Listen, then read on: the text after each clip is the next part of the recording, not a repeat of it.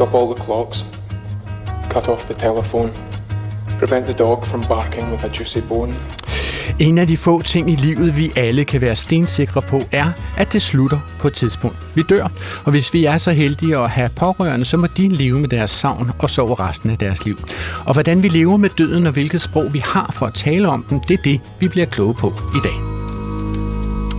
For du er nemlig stillet ind på det sted på P1, hvor vi ser på verden gennem det sprog, vi bruger om den. Og for at tale om døden har jeg inviteret tre pårørende, som både har meget forskellige og også meget ens erfaringer med døden. Og den første har mistet to forældre, den anden har mistet sin hustru, og den tredje har mistet en datter.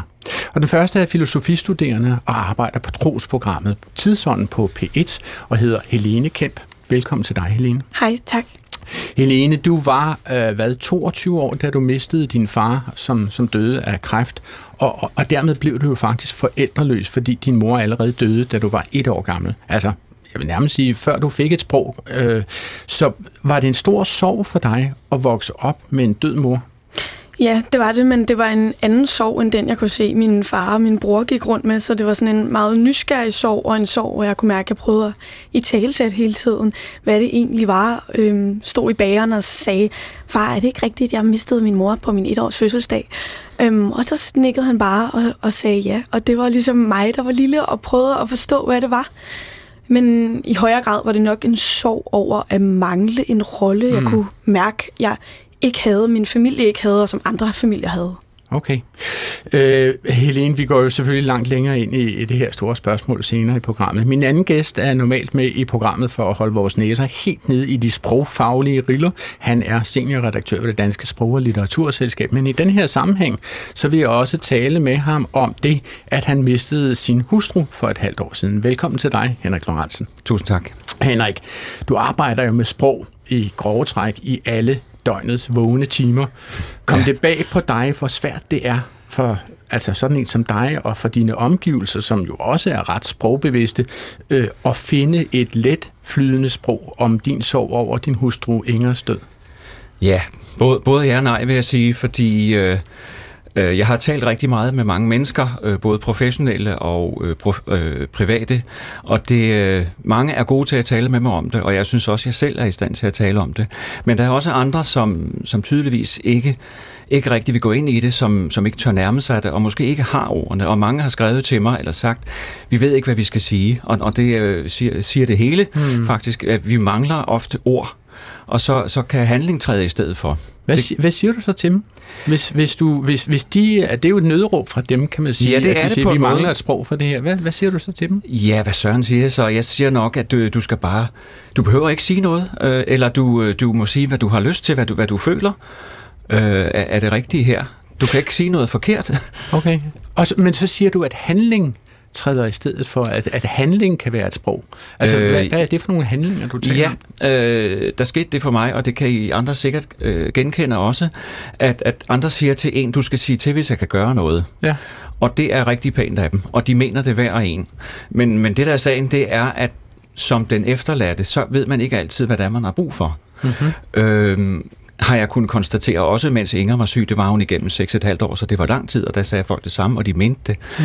Men det, at de tilbyder at gøre noget helt konkret. Jeg kommer hjem til dig på lørdag, og så klipper vi din hæk. Mm. Eller skal vi ikke gå i biografen på søndag? Øh, eller har du noget for øh, fredag aften, så kan vi se en fodboldkamp. Øh, den slags ting, det er, er lige præcis, hvad der hjælper mig, kan jeg mærke. Mm, okay.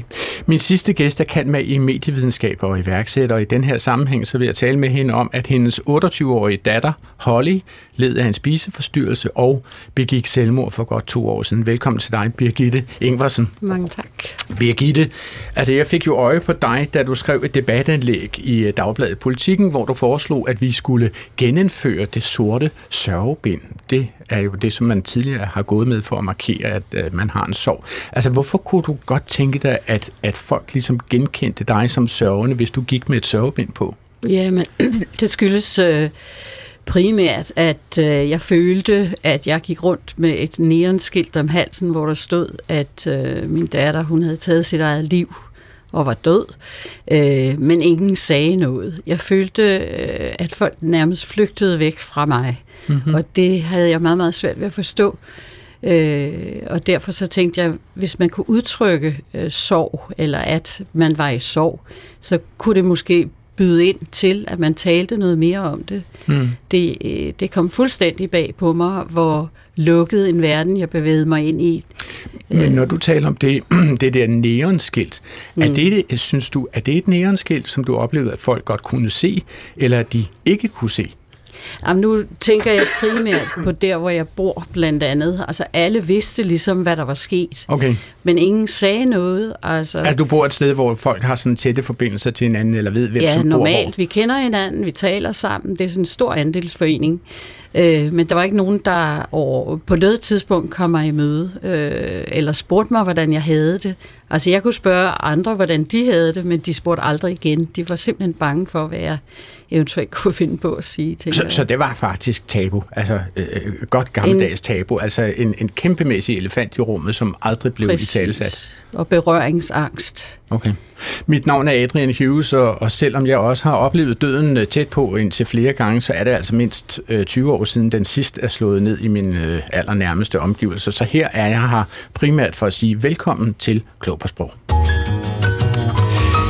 Altså, man kan jo ikke, og man skal jo ikke grædbøje sorg, men man kan jo sige, at, at, at du er en slags specialist i sorg, Helene, fordi du voksede op med den bevidsthed, at din mor var død, øh, da du var et år gammel. Altså, Udover den her scene i, i, i, hos slagteren, hvor du spørger din far, om, om din mor er død på din etårs fødselsdag, hvordan i tale satte du selv din mors død over for altså, dine andre omgivelser, dine klassekammerater for eksempel? Øhm, jeg var faktisk meget direkte. Jeg sagde, min mor hun døde af kræft på min etårs fødselsdag, og min far han lukkede aldrig ned for, at det var noget, øhm, vi skulle snakke om. Så øhm, altså, det, altså det, det var mig, der snakkede om noget, jeg ikke forstod. Mm. Det, og, og, det, og det er det, der er det underlige, ikke? Og, og det kan man sige, det har, har hjulpet mig lidt senere, fordi jeg, jeg, har, ikke, øhm, jeg har ikke været sådan øh, bange for at tale om døden, hvilket jeg også mærker sådan generelt er øhm, en ting, folk bare synes er svært at forholde sig til. Og at jeg ikke, har ikke svært ved at forholde mig til døden. Og det var det, det gjorde, det at jeg sådan, øhm, fik talt rigtig meget om det. Men sproget for det var, altså, at det, man kan sige, det var lidt en automatknap, jeg trykkede på også, fordi jeg vidste sådan, det er ligesom at sige, jamen min far han arbejder med det her, og min mor arbejder med det her. Ja. Det var lidt sådan. Men det var vel meget godt, Helene? Altså, at, at, at din far aldrig fik lukket ned for den snak, og at det blev meget tydeligt i talesat, at der, din familiesituation var anderledes, fordi du aldrig havde lært din mor at kende. Ja, det var rigtig godt. Jeg er meget taknemmelig for, for lige præcis det. Okay. Henrik Lorentzen, altså din erfaring med døden har jo været anderledes end Helenes, fordi du og din hustru Inger, de, de havde jo relativt lang tid, eller I havde jo relativt lang tid til at forberede jer på den. Hun blev syg af knoglemarmorskræft uh, cirka 6,5 år, før hun endte med at dø af den. Mm. Altså, hvordan, hvordan talte du og Inger om hendes død? Øh, vi talte ikke så meget om den. Altså, vi, vi, vi begyndte at tale om den, da der for, for seks år siden, hvor, hvor det stod klart, at, øh, at det her det var en meget alvorlig sygdom, og hun ville, ville ende med at, at dø af den, men der var forskellige prognoser. Nogle af dem var øh, optimistiske at sige, at man kan leve i 10-15 år med det her, men der er også nogen, der lever i kortere tid. Men så var vi til en samtale hos lægen, hvor det øh, blev klart, at, at det var en, en alvorlig, aggressiv variant af sygdommen, og, og vi skulle altså forberede os på, at at, ja, altså det, at det kunne tage to år for eksempel. At det kunne gå meget stærkere. At det kunne gå stærkere, selvom der var, var behandlinger i gang, der var foretaget en, en meget og, og gennemgribende behandling. Hvad betød Men, det for jeres sprog om det? Det betød, at vi, må, vi satte os ned i sofaen og, og græd og, og talte om det, og, og nogle af de svære ting, vi, vi talte om, det var jo, at øh, hun ikke ville komme til at se vores børnebørn, for eksempel. Mm. Og øhm, det var selvfølgelig alvorligt øh, at, tænke på. Og vi talte også om, hun sagde selv, øh, jeg vil ikke på, på kirkegården i, i Kilebrønne, øh, syd for København, et sted, hvor, hvor hendes forældre øh, ligger, og hvor, hendes, øh, hvor hun har boet lige ved siden af kirkegården mm-hmm. og kirken.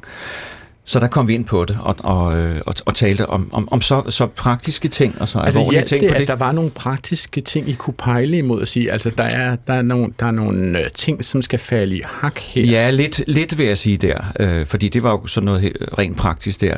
Det med de praktiske ting, det har jeg, vi måske mere haft øh, da hun var død faktisk, ikke? At, at så skulle øh, børnene og jeg så arrangere begravelse, og, og det hele der i løbet af nogle få dage, og det kan øh, andre nok også skrive under på, at pludselig opdager man et overskud. Man kan få ordnet en hel masse ting, man ikke troede hmm. bare kunne lade sig gøre. Altså få arrangeret salmer og sange og begravelser og bedemand og hele balladen. Birgitte Engversen, altså din datter Holly, øh, mm. øh, havde jo et langstrakt forløb med spiseforstyrrelser. Yeah. Øh, fra hun var 15 år gammel og frem. Ikke? Hun dør som 28-årig. Øh, talte du med hende om, at det her kunne godt ende med, at hun ville dø af det? Jamen faktisk noget af det første, vores læge sagde, det var, at, øh, at, at en spiseforstyrrelse, det kunne man kurere, og man døde ikke nødvendigvis af det. Øh, jeg blev bevidst om det øh, sommeren forinden, fordi hun fortalte mig, at hun havde gjort sig nogle tanker omkring selvmord. Øh, og så søgte vi hjælp, og selvfølgelig i den forbindelse talte vi om det. Øh, vi fik aldrig den hjælp, vi bad om, eller i hvert fald hvad jeg mener jeg bad om. Det, men øh, derfra så det selvfølgelig talte vi om det. Jeg sagde, det må du for guds skyld aldrig gøre, fordi det skal jeg leve med resten af mit liv, og det kan jeg ikke. Så du må aldrig gøre det. Nå, Men okay. øh, ikke nok til Helene, altså din far, det er jo et andet forløb. Altså øh, noget du har talt med din far om, at han øh, kunne dø af den kræftsygdom, som han havde? Ja, det gjorde jeg. Øhm... Hvad fik I sagt til hinanden om det? Ja, det var måske meget mig. Øh, altså, jeg har, jeg har faktisk altid sagt det til min far. Jeg har altid sagt, pas nu på dig selv, og sørg nu for at have det godt, og være sund og, og rask og glad, fordi jeg, jeg har ikke lyst til at blive forældreløs. Øhm, og da han så blev syg, altså så blev samtalen jo noget, noget andet, fordi jeg kunne ikke ligesom give ham en opsang. Mm. Så var det ligesom bare sådan, okay, nu er det sådan her, det er. Øhm, og øh, vi snakkede... Talte han selv om det? Øhm, ja, men han var meget modig. Han var sådan, jeg er ikke bange for at dø, og han sagde også, at han var helt sikker på, at jeg nok skulle klare mig, og han vidste, at jeg havde, han havde opdraget mig godt, og opdraget mig meget selvstændigt. Øhm, øh, så i virkeligheden tror jeg mest, det var mig, der var sådan ked af det over, at han ikke skulle møde sine børnebørn, mm. og ja. Lad os så lige øh, tale om, hvilket sprog man får, når, når døden indtræffer. Og den er jo formentlig altid et chok, når det lige pludselig kommer. Ikke? Altså, øh, Henrik, kan, kan du øh, huske tilbage på, altså, hvad sagde du til de mennesker, som du nu skulle meddele, at Inger var død? Jeg tror nok, at jeg sagde det lige ud. Altså det, det var jo også sådan, at øh, de nærmeste, som skulle have det videre, og egentlig også lidt længere væk, de, de var jo forberedt på, at det kunne komme, øh, selvom det i den sidste tid gik relativt hurtigt, eller temmelig hurtigt. Øh, jeg tror, jeg sagde det lige ud. Nu er hun altså død, øh, og, og for nogen var det jo så den meddelelse, de havde, de havde ventet at få. Mm, og frygtet. Og frygtet ja. naturligvis, men også måske tænkt, at det, det er det bedste på det her tidspunkt, fordi der er ikke mere livskvalitet øh, tilbage for hende og for os. Og hvad betyder det lille ord nu i den sammenhæng, når man ringer og giver sådan med? Ja, det betyder jo nok, at øh, det kommer det her det har været forberedt, mm. og nu kommer så den endelige besked. Det er noget andet, end hvis man bare ringer op og siger, øh, Inger er død. Det, det vil jo være en chokerende meddelelse, bare når den bliver præsenteret på den måde. Birgitte, hvordan reagerede andre mennesker på, på din meddelelse om, at Holly havde taget sit eget liv? Ja, nu var det sådan, at øh, jeg decideret gik i koma, da, da det skete, og det var faktisk min mand øh, og dem omkring mig, der ligesom ringede op og fortalte, hvad det var, der var sket. Øh, jeg kunne slet ikke forholde mig til det. jeg havde det rigtig, rigtig skidt i, i mange, mange, mange dage. Okay til at starte med. Helene, kan, du, kan du huske, hvordan du fik afleveret meddelelsen om, at din far var død? Øhm, ja, øh, øh, min tante banker på, mens jeg ligger og sover, og øh, så siger hun, nu er det nu. Og der vi havde vi havde vidst, at han var syg med kræft i en måned, og han havde været meget, meget syg med blodpropper og så sådan noget lidt over et halvt år. Øh, og det var gået ekstremt stærkt. Så øh, da hun sagde, nu er det nu, så øh, så gik jeg op af sengen og gik ned i stuen, hvor han lå. Vi havde lavet hjemmehospice, og så, øhm, øhm, så kiggede jeg jo på ham at ligge der, og det var, øhm, jeg kunne mærke, at meget hurtigt, så øhm, ville jeg gerne forlade rummet, og, og de andre, de havde det fint med at sidde der. Og jeg sagde, øhm, jeg vil ikke huske ham sådan her, jeg har ikke lyst til at se ham sådan her, øhm, samtidig med, at jeg på en eller anden måde stadig lige havde lyst til at mærke den sidste varme. Øhm, men det er det, det, det der med, øhm, hvad er det, der sidder fast som det aller sidste, og øhm, det, det, det, øhm, så det var sådan min måde at tage det, mit første indtryk af hans stod på. Okay. Fordi jeg vil gerne, øh, grund til at spille en lille jingle og sætte en lille, øh, trækker en lille streg i sandet, er, at jeg gerne vil tale med jer om øh, de metaforer, som vi så bruger om det at dø. Altså, der er jo professionelle, som har det, med det her at gøre, præster og bedemænd og kvinder og andre sjælesørgere, og, og de kan jo finde på at bruge ord som øh, altså, øh, sovet stille ind, eller gået hinsides, eller har forladt denne verden. Øh, Henrik Lorentzen, hvilket, hvilket sprog oplevede du, at du øh, hørte omkring dig, eller så omkring dig i forbindelse med Ingersted? Forskellige øh, varianter. Altså, vi, vi har den her øh, praktiske formel, jeg kondolerer, øh, som som mange griber til. Øh, den har måske været lidt, føltes lidt øh, gammeldags, men jeg tror måske, den er, er kommet ind igen, fordi den er en måde i kort form at udtrykke, jeg føler med dig. Altså, mm. det er jo også det, det betyder øh, rent sproghistorisk. Men, hvordan forklarer lige det? Hvordan, ja, altså, det kommer fra latin, hvor, hvor, hvor dolere betyder at det gør ondt, føle smerte. Vi kender det også fra andre ord. via dolorosa, det var den smertens vej, hvor Jesus gik den sidste tid. og, og så har vi kon, som betyder med. Altså, jeg føler med dig. Og, og det kunne man jo også godt sige, og det øh, synes jeg fungerer vældig godt, og det gør mig ondt. Øh, jeg tænker på jer. Det er sådan en lidt åben formulering, men altså, jeg kan godt lide den faktisk, fordi så kan man, så kan man forstå, at, at det er varme og, og, og gode tanker, de sender i vores retning. Så kan man selv lægge i det, hvad man, hvad man synes. Ja, og det har jeg også selv brugt andre øh, steder, øh, eller for mig før. Birgitte Ingvarsen, hvad, hvad, hvad for et sprog mødte du, øh, når du så altså kom ud af dit koma og din handlingslammelse og, og alligevel øh, begyndte at møde verden med den her forfærdende nyhed om din datter? Ja, men jeg mener jo slet ikke, at vi har et sprog øh, omkring død og sorg, desværre. Altså, og det mener jeg også, at vi bliver nødt til ligesom at inkorporere i vores liv, fordi øh, det er så forudsigeligt, at vi skal dø, mm. men vi er så bange for ligesom at, at give udtryk for noget, der handler om død. Mm. Øh, og det, altså jeg, jeg sagde, hun er her ikke mere. Det var sådan min måde at udtrykke det på, ja. øh, og det var også det, jeg følte. Og alligevel, altså... Det, altså det, hvorfor, hvorfor den omskrivning, Birgitte? Hun ja, men fordi øh, hun var jo væk. Øh, vi, så det passede, kan man sige. Ja, det gjorde. passede det. Altså, jeg kunne heller ikke fortælle, når nu, nu er hun død af sådan og sådan. Eller det kunne jeg sådan set godt.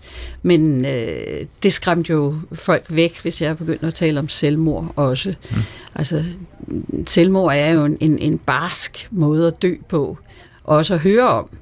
Altså de få, jeg sådan talte med, med, med om det, øh, de, de så skrækslagende ud. Øh, og det er meget svært for andre ligesom at, at, at forstå, øh, at der en, at man gør det.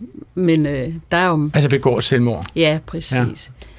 Ja. Men, men har du noget indtryk af, hvordan kan det være, at folk bliver så skræmt af at høre dig fortælle om din datters selvmord. Altså det er jo, det er jo, jeg mener, det er relativt enestående, yeah. at du er så offentlig med at sige, at Holly begik selvmord. Det er ikke noget, jeg hører særligt tit, at folk fortæller om deres eget barns selvmord. Nej, men jeg, jeg synes jo, vi bør tale om det. Altså, Hvorfor? Øh, ja, øh, jeg faktisk så som barn var jeg meget, meget bange for at miste min mor. Øh, og, og allerede dengang, altså sådan op igennem øh, 20'erne, begyndte jeg at læse om døden som fænomen. Jeg begyndte at prøve at forberede mig på, at det kunne ske. Øh, så jeg kunne ruste mig selv, øh, in case, at det skulle ske. Men øh, jeg har stadig min mor i dag. Mm. Så, men omvendt, så vil jeg tro, at jeg faktisk på en eller anden måde rustede mig selv i forhold til min datters død. Selvom man ikke kan ruste sig selv øh, i forhold til at miste et barn. Fordi det er det absolut mest smertefulde, man kan opleve. Men Birgitte, det er vel sådan, at du heller ikke kan omtale din datters selvmord, øh, hvis du sidder i et venteværelse på vej øh, hen for at købe en billet i DSB-butikken eller sådan noget den stil. Altså det er, det er vel så stor en sag, at man skal tage bestik af, hvornår introducerer man dette i en samtale. Er det ikke sådan? Jo, det er. Altså, men jeg har faktisk lært det hen ad vejen. I starten, der var jeg meget åben omkring det, og så lærte jeg faktisk, at det, det kan jeg ikke tillade mig. Hvorfor ikke? Øh, jamen, fordi man lærer at forstå ligesom hvad det er, der skræmmer folk. Altså, en ting er døden, og noget helt andet er så et selvmord. Øh, det er jo en frygtelig barsk virkelighed øh, at det kan ske. Øh. Vil det så sige, at hvis ikke du tog hensyn til andre mennesker, så ville du sådan set sige det som det, det første eller det andet, der kom ud af, af munden på dig, efter at du havde bedt om mere fløde til kaffen? Altså, nu er jeg en meget øh, ærlig person, og siger tingene lige ud. Altså, tidligere, hvis, hvis nogen spurgte mig, om hvordan går det, så vil jeg fortælle dem, ja, men det, det går nogenlunde, men det er også hårdt, for, altså på grund af hendes sygdom. Ja. Den var jeg også meget åben omkring. Ja. Og det mener jeg sådan set også, man bør være, øh, frem for altid bare at sige, at det går fint. Øh, den kender vi Men, men det du oplever nu er, at du viser folk mere hensyn, eller hvad? Absolut. Ja, okay. Altså i starten var jeg jo redselslagende over øh, den måde, folk tog imod det på, eller ved slet ikke at sige noget. Og, øh, men jeg lærte ligesom, at øh, man skal gå meget forsigtigt. Man må respektere andres frygt for øh, Øh, begrebet død. Altså, øh, at folk, det skræmmer folk væk. Øh, okay. Øh, der, der er jo en del, som, som oplever det som, som uh, meningsløst, at hele verden går videre, når et menneske går væk. Uh, et menneske, som mm. har betydet alt for nogen. Ikke? Uh, og et af de digte, som forsøger at fange den fornemmelse, det er W.H. Audens Stop All the Clock, som vi spillede et lille klip fra i begyndelsen af udsendelsen. Mange kender uh, det her digt fra den engelske film Four Weddings and a Funeral, hvor en meget livsglad afdød uh, kæreste deklamerer det her digt ved begravelsen. Stop all the clocks. Cut off the telephone, prevent the dog from barking with a juicy bone, silence the pianos and with muffled drum bring out the coffin. Let the mourners come. Let the aeroplanes circle moaning overhead, scribbling on the sky the message He is dead. Put great bows round the white necks of the public doves. Let traffic policemen wear black cotton gloves. He was my north, my south, my east and west, my working week and my Sunday rest, my noon, my midnight, my talk, my song. I thought that love would last forever. I was wrong. Yeah. Synes I, at øh, W.H. Orden her rammer noget centralt med det digt?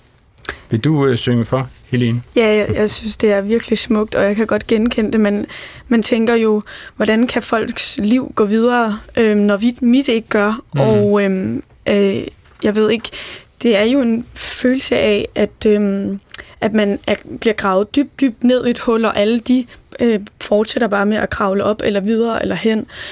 Øhm, så øhm, altså, ja, man har, og det er også fordi, man har brug for, at tiden skal stoppe. Det er ikke bare, mm. fordi man føler, at alle andres liv går videre. Man har brug for, at folk også på en eller anden måde stopper op og sørger med en. Og jeg kan huske, Carsten Jensen, han sagde virkelig, virkelig smukt i en podcast om hans afdøde stedsøn, at, øhm, at, da, at hans stedsøn døde, da corona startede. Og det var som om alle sørgede med ham, og det var en hjælp, fordi han følte sig på en eller anden måde lidt løftet af det.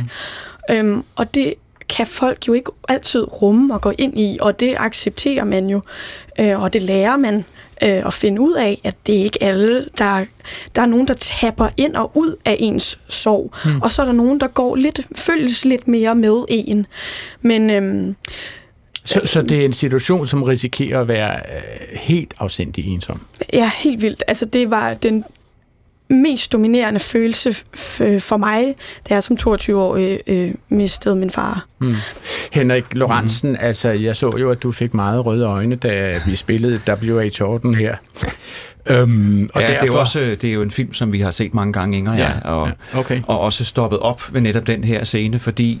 Altså ja, også da Inger var syg? Øh, nej, det tror jeg måske ikke, men vi har set den en gang, en gang imellem i, i, vor, i vores øh, fælles liv, og, og, og, og den scene, der, øh, den tid, der handler om begravelse i filmen, den har jo også en særlig betydning, for den skiller sig ud fra resten, som er... Fire bryllupper. Ja. Fi, øh, fis og ballade og, mm. og, og, og sjov, og så, mm. så kommer det her. Så, men det, jeg vil sige, det var vel, at jeg genkender det, du siger med at tabe ind og ud af, af, af sorgen, Øh, det kan jeg godt forstå, andre mennesker gør, men øh, jeg synes også, at jeg selv gør det, og jeg er også nødt til det. Jeg ved ikke, det kan I selv, eller kan I måske bidrage med om lidt. Altså, man kan ikke være i sorgen hele tiden. Øh, og det har jeg talt med flere om, også professionelle øh, psykologer. Øh, så, så, så er, du, er du simpelthen i stand, Henrik, til at, at, at gå ind i sorgen og gå ud af sorgen? Ja, det, vil, det, jamen det sker automatisk for mig, vil jeg sige. Ja. Altså, selvfølgelig er det, at det sværeste i starten, hvor, man, øh, hvor jeg var i sorgen hele tiden. Men så melder der sig en dagligdag, så skal man stoppe om morgenen, man skal spise morgenmad, og man skal på arbejde. Kender du, kender du det, Birgitte? Så absolut. Man kan ikke være i sorgen øh, i døgnets 24 timer. Øh, og, og ting sker jo omkring ind, altså, og man kan sagtens også le. Jeg kan huske første gang, jeg lå, hvor jeg tænkte, jamen dog, hvor kom det fra? Ja. Øh, fordi sorgen fylder jo, som du også siger, alt øh, til at begynde med. Men langsomt, så, så kan man sådan mærke, at man godt kan skille sorgen fra. Det er også øh, det er ligesom den der tosporsmodel, man taler om. Altså, sorg er øh, at leve i to spor. Man lever den normale hverdag, og så har du dit sovspor ved siden af. Og, øh, og som jeg også har bemærket, så har jeg det faktisk godt i begge spor. Jeg har det også godt med at være i sorgen, fordi der er min datter ligesom tættere på mig. Hmm. Så det er faktisk en rar følelse, når hun også er der.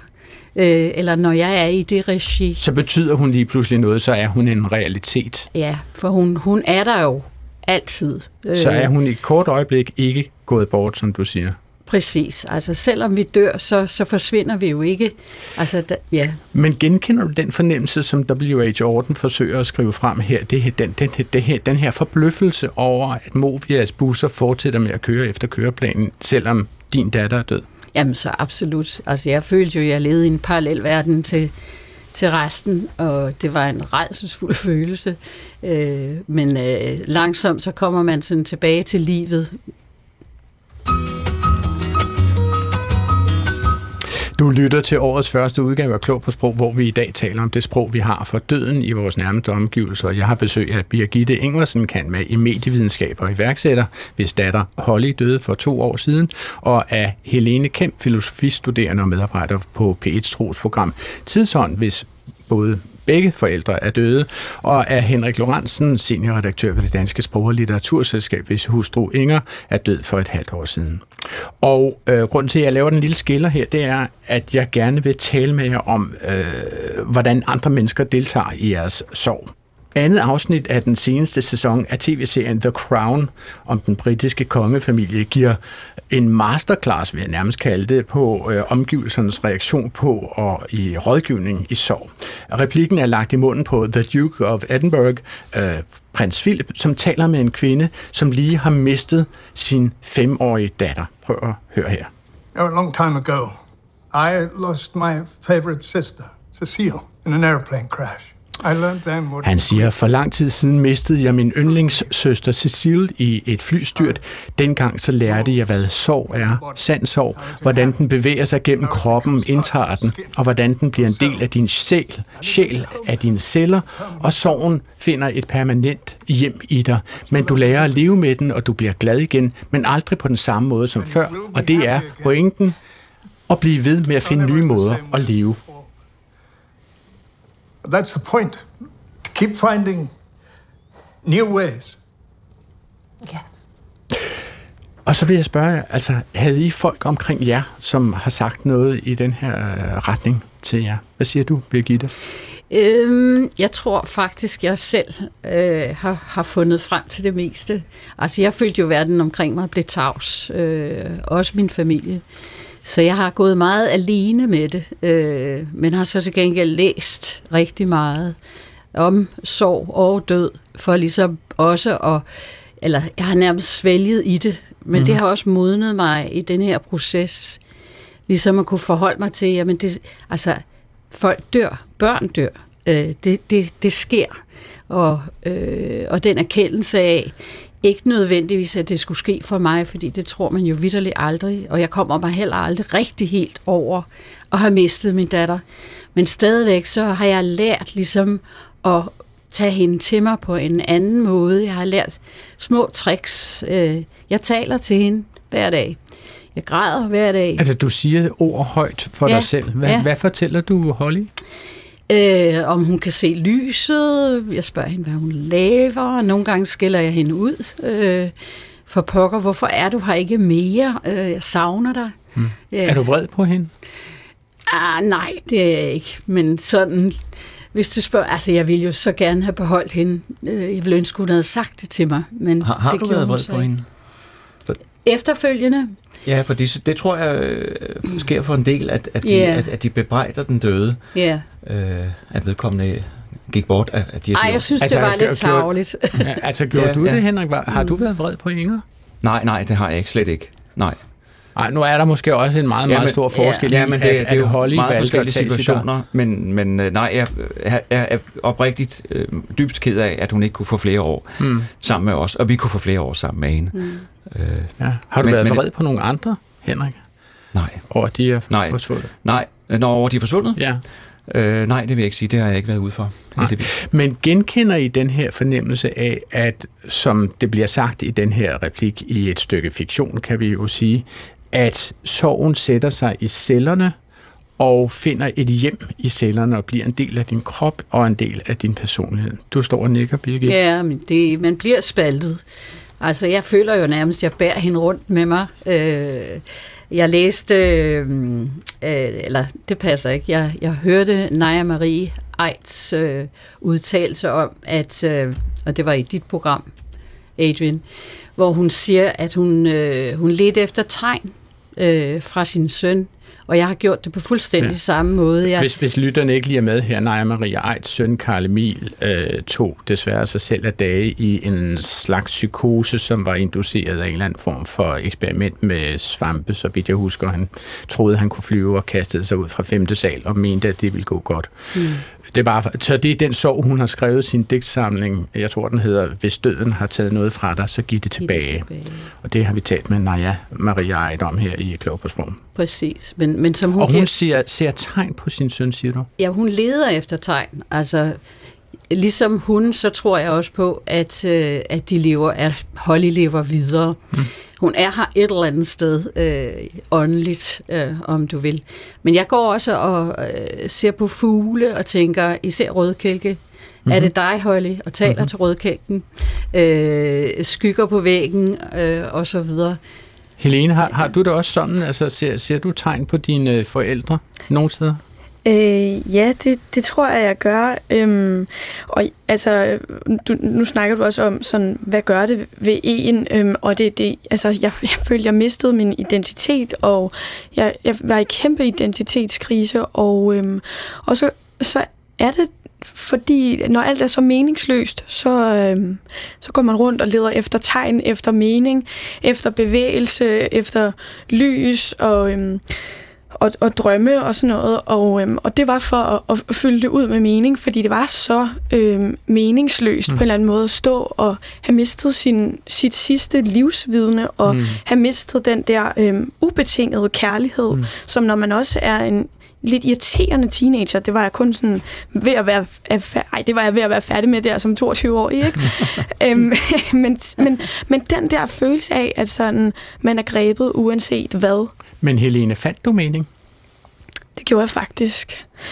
Det, det er meget, det, men jeg synes, det er så underligt at sige, ikke? fordi det, stadig, det er jo stadig meningsløst på en eller anden måde, at vi skal miste, og at de ikke er her mere. Det er også en vending, jeg bruger, og det tror jeg, jeg bruger, fordi det, og det er, sådan, det er helt ubevidst, men det er fordi, at fysisk, og nu er det jo især min far, der på en eller anden måde mit fokus, men fysisk er min far her ikke mere. Mm.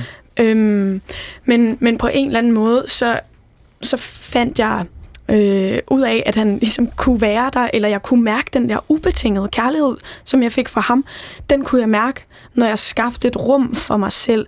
Ligesom gik ind i mig selv, mærkede mig selv, og på en eller anden måde øh, lod være med at identificere mig så meget med al den ensomhed og stress, jeg også gik igennem. Jeg skulle rydde min, mit barndomshjem, mit fars bo, der skulle sælges to øh, huse, og jeg var lige startet studie tre uger efter min far stod. Øhm, og jeg var ung og social, og lige pludselig så var jeg bare slet ikke social mere. Jeg var blev enormt introvert, jeg blev usikker på mig selv og på, hvordan øh, jeg egentlig skulle tale til folk, og, og det var som om, at øh, den, jeg var, og de almindelige sådan, karakteristika, jeg bærer rundt, de, øhm, de gik i opløsning. Mm-hmm. Så øhm, øh, på den måde bliver alt jo meningsløst. Ikke bare i sorgen, men, men sorgen gjorde mig også bitter og alt muligt. Og, og der fandt jeg fred mm-hmm. i, kan man sige, åndeligheden. For der er i åndeligheden på en eller anden måde mellem linjerne i sproget øhm, et udtryk for, hvad, hvad det er, og hvordan det føles, eller det, der er større end os selv, som lige pludselig kan udfylde tomrummet. Ja. Helene, jeg vil lige parkere den der med åndeligheden, mm. og hvordan, du, øh, hvordan vi peger fremad til lidt senere i programmet, ja. fordi jeg vil lige gå ind i det her med at forholde sig til døden, øh, når den er omkring os. Der findes jo øh, kulturer, som forholder sig meget tæt til døden, og her tænker jeg for eksempel på festivalen Dia de los Muertos i Mexico, de dødes dag, hvor de døde og de levende bliver genforenet. Hvis I nu forestiller jer, at vi står i et stort festtelt i Mexico med farvestrålende vimpler og flag, som hænger ned fra loftet, så står folk i feststemte øh, vendinger i en rundkreds og kigger på en mand, som er iklædt en overdimensioneret tyre skeletdragt og danser rundt til en sang, som de er meget glade for i Mexico.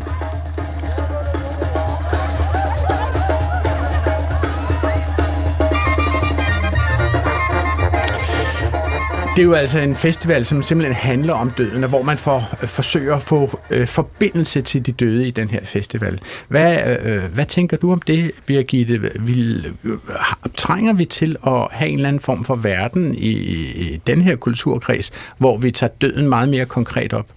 Altså personligt så mener jeg, at man skal eksponeres mere over for døden. Døden er jo i, øh, i dag gemt væk på hospitalerne. Øh, og når vi øh, går til begravelse, eller det er en bisættelse, så øh, ligger vedkommende ned i en lukket kiste. Vi ser ikke den døde. Burde, det, burde vi se den døde ja, fysisk? det mener jeg. Ja. Okay. Helt personligt. Hvad altså, vil det gøre os? Jamen, jeg tror, fordi døden er ikke så skræmmende, når man ser den. Øh, så den der erkendelse af, jamen, og, og også af bevidstheden om, at de er virkelig døde. Mm. Så du din datter Holly, efter at hun var død? Det gjorde jeg. Altså, jeg troede faktisk, jeg skulle se hende på retsmedicinsk, men øh, en meget øh, klog bedemand sagde, vent til kapellet. Og der havde hun fået det fineste tøj på, øh, og lå og så ganske bedårende ud. Jeg frygtede lidt, hun ville være hvid og stiv og kold, men det var hun faktisk ikke. Hun var meget levende i døden. Og hvad betød det for dig, at du så din datter fysisk ligge der foran Alt. Alt. Altså, vi tog... altså i forhold til din øh, indtagelse af det faktum, at hun var død, eller hvad? Jamen altså, vi, jeg, øh, hendes kæreste og jeg, vi tog billeder, og vi gik omkring hende, vi kyssede hende øh, og rørte ved hende, og det, det, det var på en eller anden måde, øh, fordi døden er jo for os alle sammen noget, vi ikke rigtig ved, hvad er. Mm. Det er meget, meget flydende. Henrik, du står og nikker, men med ja. røde øjne selvfølgelig. Altså, så du Inger, efter hun var død? Ja, det kan du tro. Altså, vi sad hos hende hele den sidste dag, øh, altså mine døtre og Ingers søster og, og hendes datter, altså Ingers øh, guddatter. Så vi var de nærmeste omkring hende og holdt hende i hånden og fulgte hende hele den sidste dag, som var en lang dag. Øh, altså mens hun døde? Mens hun lå og for døden indtil klokken 10 om aftenen, og så var vi jo så sammen, men vi kunne I talte om varmen der, mm. altså det, mm. der, der er varme tilbage i kroppen, mm. men så bliver, så bliver lamet jo koldt, og, og det, er, det er mærkeligt. Men altså det der med billeder, som I siger, øh, vi tog også billeder. Vi tog mange billeder i den sidste tid, og vi tog også billeder af hende, efter hun var død og, og, og begravelse osv. Og, og dem har jeg vist til forskellige mennesker, som jeg kender, og øh, de sagde alle sammen, tak fordi du delte det her med os. Okay. Og det var også de vigtigt. opfatter det ikke som morbidt eller upassende? Nej, det tænkte jeg jo lidt på, at, at, går jeg over en streg her. Mm. Øh, men de sagde, har sagt i hvert fald, at, at de synes, det var det rigtige. Og det, hvis jeg lige må sige det, så fører det mig frem til det, vi taler om med, om de døde skal være mere til stede i, vor, i, i efterlivet, mm. sammen med os andre. Og det tror jeg måske, der er noget om, at vi skulle gøre her i vores ellers øh, lukkede lutheranske kultur. Øh, jeg har faktisk brugt de billeder øh, mange gange til at forvisse mig om, at hun virkelig er død. Ja, det kan fordi, jeg sandelig godt forstå. Ja, og gået tilbage og kigget på dem, fordi der kan jeg jo virkelig se, der har jeg beviset for, at hun er død. For nogle gange kan det for en selv være helt umuligt at forstå. Ja, nemlig. Ja. Det kan det. Øh, ja, altså der var, min far har øh, optaget min mor ligge i den åbne kiste i øh, kirken, og øh, det, det så jeg før min far døde, og det gav mig virkelig en, en, en forståelse for det der, øh, men jeg var fem også lidt chokeret, da jeg så det første gang, fordi det var ligesom nogle videoer, jeg selv havde fundet. Og så sker der det, at der gik vandskade i alle mine billeder øh, for i maj måned eller sådan noget. Øh, og det, det, var, det var alle mine billeder med alt. Min mor, min far og min bror. Altså, så jeg brugte to uger på mit kæmpe kollegie, hvor jeg bare bredte hele min familie ud over festsalen. Øh, flere timer om dagen gik jeg og ligesom bredte de der billeder ud. Og på et tidspunkt, og der er jeg jo, altså der er helt uforberedt, fordi da jeg havde set de der videoer med min mor, der vidste jeg godt, det her er min mor. Øh, og så, øh, så åbner jeg så et album på et tidspunkt, hvor at, øh, min mor ligger død, og det var noget helt andet. Altså jeg, altså, og det, det her er jo ikke særlig mange, altså, det er et halvt år siden, at jeg øh, blev, kom totalt i chok. Men jeg vidste også, hvad det var for en følelse. Og det, jeg tror, det er virkelig vigtigt at blive eksponeret for døden, som jeg siger, også tidligt. Børn kan godt klare det. Ja, altså sådan, det er, det, det, det er så fint og naturligt, som noget kan være, og det er mega hårdt, men det er sådan... Det, jeg, tror, det, jeg tror, det er rigtig godt for os. Og det har ændret sig det der med, om, om, om børn kan få lov at opleve døde og, og få det tæt ind på livet, fordi nu lige præcis Ingers far døde meget tidligt, da hun var 11 år, og de havde været fuldstændig lukket om det. De anede ikke, at han var så alvorligt syg, og så kunne de, blev de bedt om at køre hjem på skole, eller de kørte hjem fra skole, så så de, at flaget hang på halv ved deres hjem, oh. ved siden af kirken i øvrigt, øh, og, øh, og så forstod de, så nu var der noget galt. Mm. Og så prøvede de ellers på, og så blev de klar over det, men altså, der var ingen, der talte med dem om det. Det gjorde man ikke. Mm. Og sådan gør vi heldigvis ikke i dag. Så, så, når, så, så Inger så ikke sin afdøde far, efter at han var Det er jeg ikke engang sikker på, nej. Ja. Og, og, og det, jeg tog, det tog lang tid for dem, for de tre søskende, at forstå, hvad der var sket. Og når du nu siger, at vi ikke har sprog for det, så tror jeg altså, at det heldigvis går bedre, eller vi kan forholde os bedre til døden, end vi kunne tidligere. Mm. Altså, jeg fortalte jo i starten, at jeg har haft døden inde på livet et par gange, en del gange. Øh, den første, som døde fra mig, var, da vi begge to var 25 år. Det var min daværende kæreste. Øh, vi var født med to dages mellemrum. Og han døde så af AIDS som 25-årig, og det var selvfølgelig et relativt langt forløb, og jeg var begyndt at indstille mig på, at det skulle gå den vej der. Men da han så døde, jeg ankom til hospitalet for sent, fordi der var ikke noget, der hed mobiltelefoner. Jeg var svært at få fat i. Jeg kommer for sent, han er død. Og så har sygeplejerskerne jo ligesom anrettet ham, når jeg kommer ind på epidemiafdelingen. Og så har de ret hans hår tilbage. Og jeg er ked af at sige det, han lignede simpelthen overborgmester Egon Weidekamp. og det var ikke passende.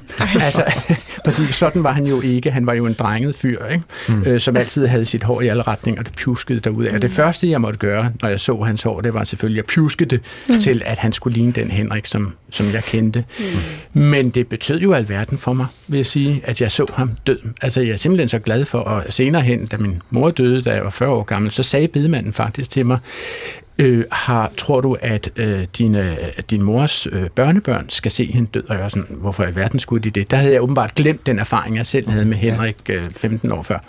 Og, og øh, der siger bedemanden, som den kloge rådgiver vedkommende er, vi har bare erfaring for, at det gør en god øh, virkning. Det er simpelthen en stor forskel. Og så kom børnebørnene som øh, ind og så deres farmor.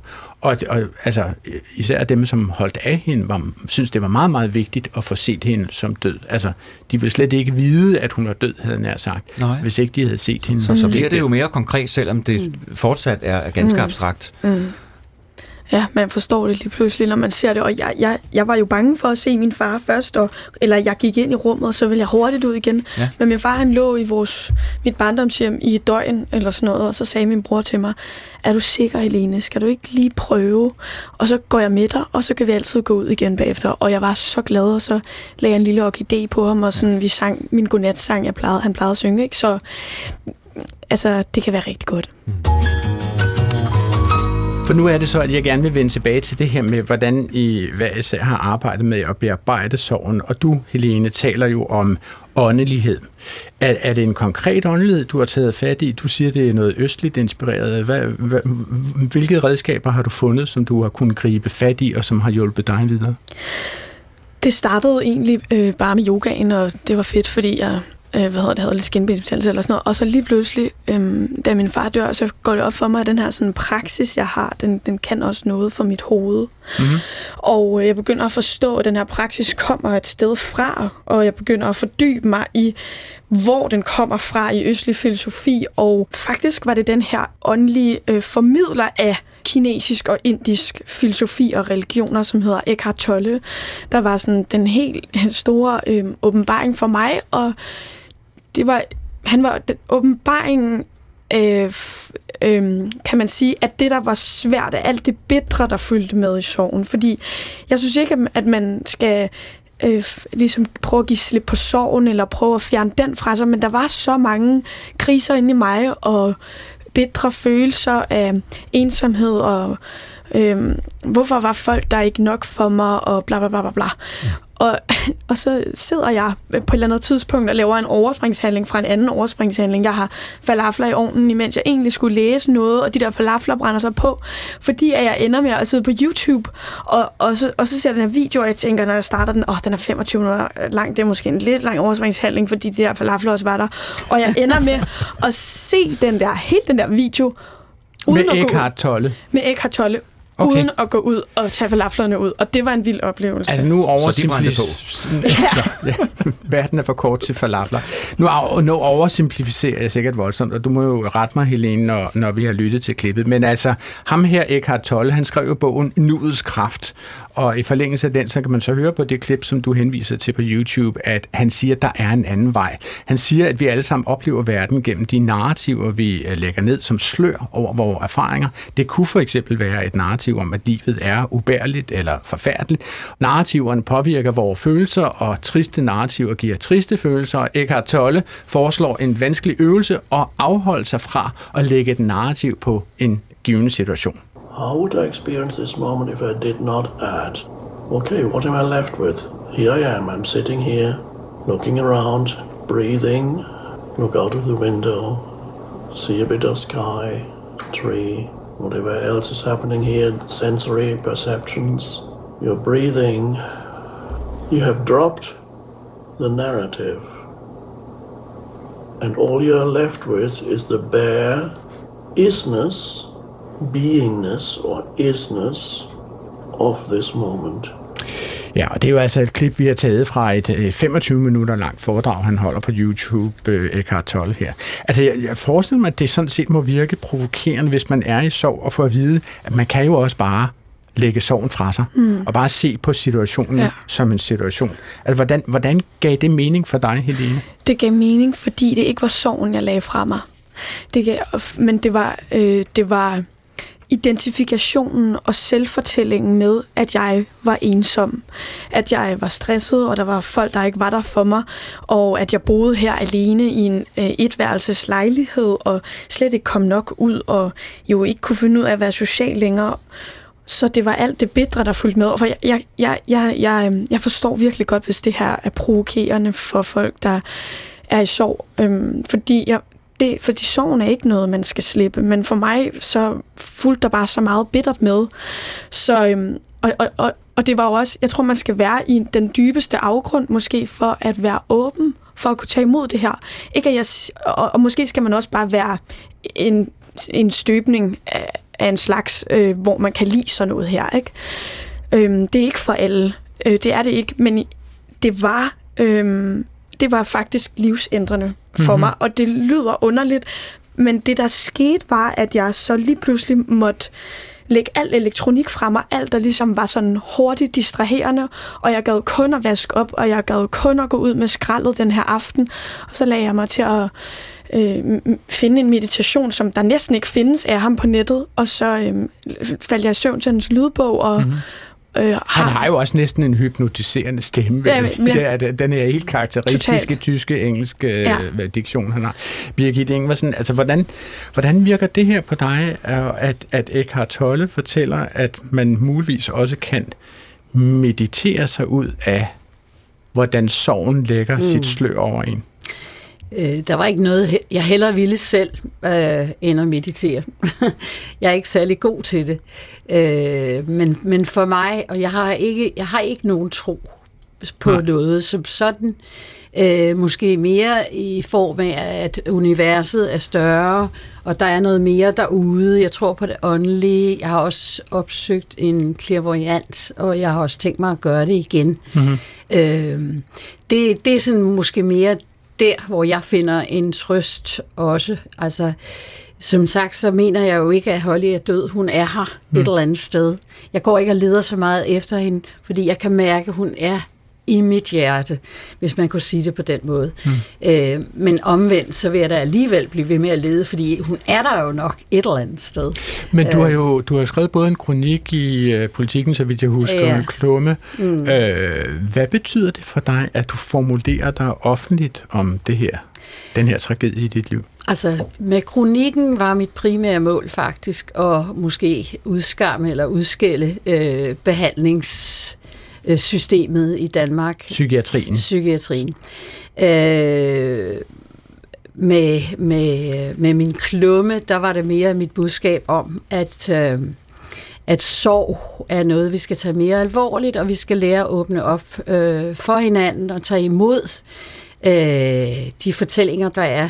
Vi skal lære ligesom at inkorporere, nu siger jeg hele tiden lære, men jeg mener virkelig, at vi har øh, jeg kommer til at tænke på Esben Kær, som sagde, at han skrev, at hans barn, det var som om barnet døde to gange. Og sådan havde jeg det også Hans barn selv. døde, da barnet var syv år gammelt. Ja, og han siger to gange, fordi første gang var, var der døde sønnen. Anden gang, så var det som om, at han døde igen, fordi ingen talte om mm. barnet eller om døden. Altså den der mur af tavshed, som, som tragedien mødes ja. med. Øh, og det er den, vi skal have. Men, men hvad, hvad, hvad betyder det for dig personligt, mm. at du skriver om det her? Altså, bruger du sprog? Jamen, det er bruger terapi. ord? Ren Hvordan? terapi. Altså, jeg har også skrevet en masse noter. Jeg er også i gang med at skrive en bog øh, om min datter. Øh, fordi det er sådan en bearbejdelse for mig af min sorg. Øh, som jeg også fortalte tidligere, så har jeg det rigtig godt, når jeg har at gøre med noget, der handler om hende. Ja. Øh, øh, så fordi det bringer mig tættere på hende på en eller anden måde. Udover at skrive bog, så har jeg blandt andet også skrevet digte, og det har jeg brugt rigtig meget tid på. Og sidde og nørde med forskellige ord og, mm-hmm. og tekster. Øh, jeg har blandt andet skrevet et digt, som jeg har taget med, øh, som jeg vil læse op for jer. Okay. Øh, giv mig styrke, giv mig mod, gennem sorgen og vanvidets mørke og smertefulde tanker om, at jeg aldrig igen skal kysse din bløde kind. Rej heller at holde om dig og beskytte dig mod livets ondskab og uundgåelige modvind. Øh, ja, øh, og dem har jeg masser og masser af. Og hvad liggende. betyder det for dig, Birgitte, altså, at, at du øh, sætter, sætter ord på den sorg, du står midt i? Jamen, det er en måde at bearbejde det på for mig. Altså, via det, jeg skriver, og via det, jeg læser, øh, øh, så føler jeg ligesom, som sagt, at jeg er tættere på hende, og jeg får... Det er altid godt at skrive. Hmm. Øh, hvad, kender du noget til det her, Henrik? Altså, ikke at skrive hvad, hvad øh, digte, for det er jeg ikke ret god til, men jeg synes, det, er, øh, det udtrykker fuldstændig, hvad, hvad jeg også føler hmm. øh, i situationen, som jeg er i. Øh, jeg tror, det er vigtigt, at vi bliver ved med at tale om den afdøde og også gerne med den afdøde, som I siger. Jeg går også rundt og siger nogle ting til Inger derhjemme, og siger, mm-hmm. nu skal jeg ud og løbe, og i aften skal jeg ud og spille musik. Jeg har også været i radioen med ham der Adrian, du ved ikke, og, mm. og sådan nogle ting. øh, og, og det er så med til at, at, at holde det i gang. Så vi skal tale om det, så den mur af tavshed, som som du oplever, den, den oplever jeg heldigvis ikke i, i den grad, og det, det er jeg så også glad for. Folk mm. vil gerne tale om det, og jeg vil gerne tale med dem om det. Okay.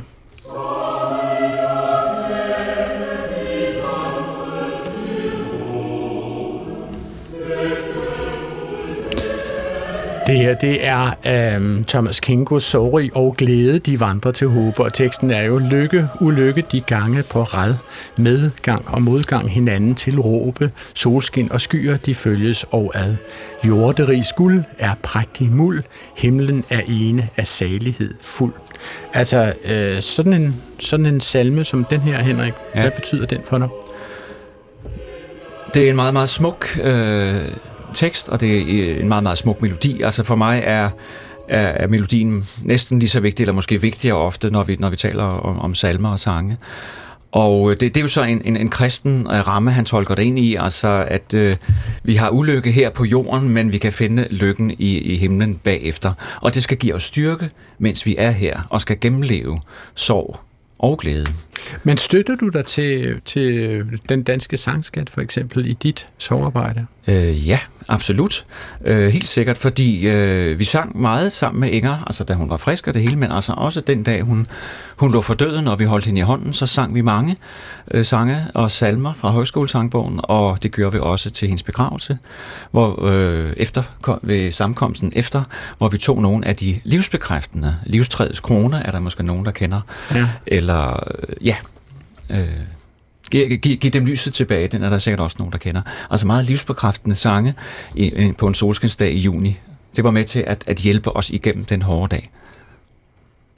Tak skal du have, Henrik. Det var så kloge, vi kunne blive på sovens sprog i dagens program, som er årets første. Jeg vil sige tak til mine gæster, som var og stadig er.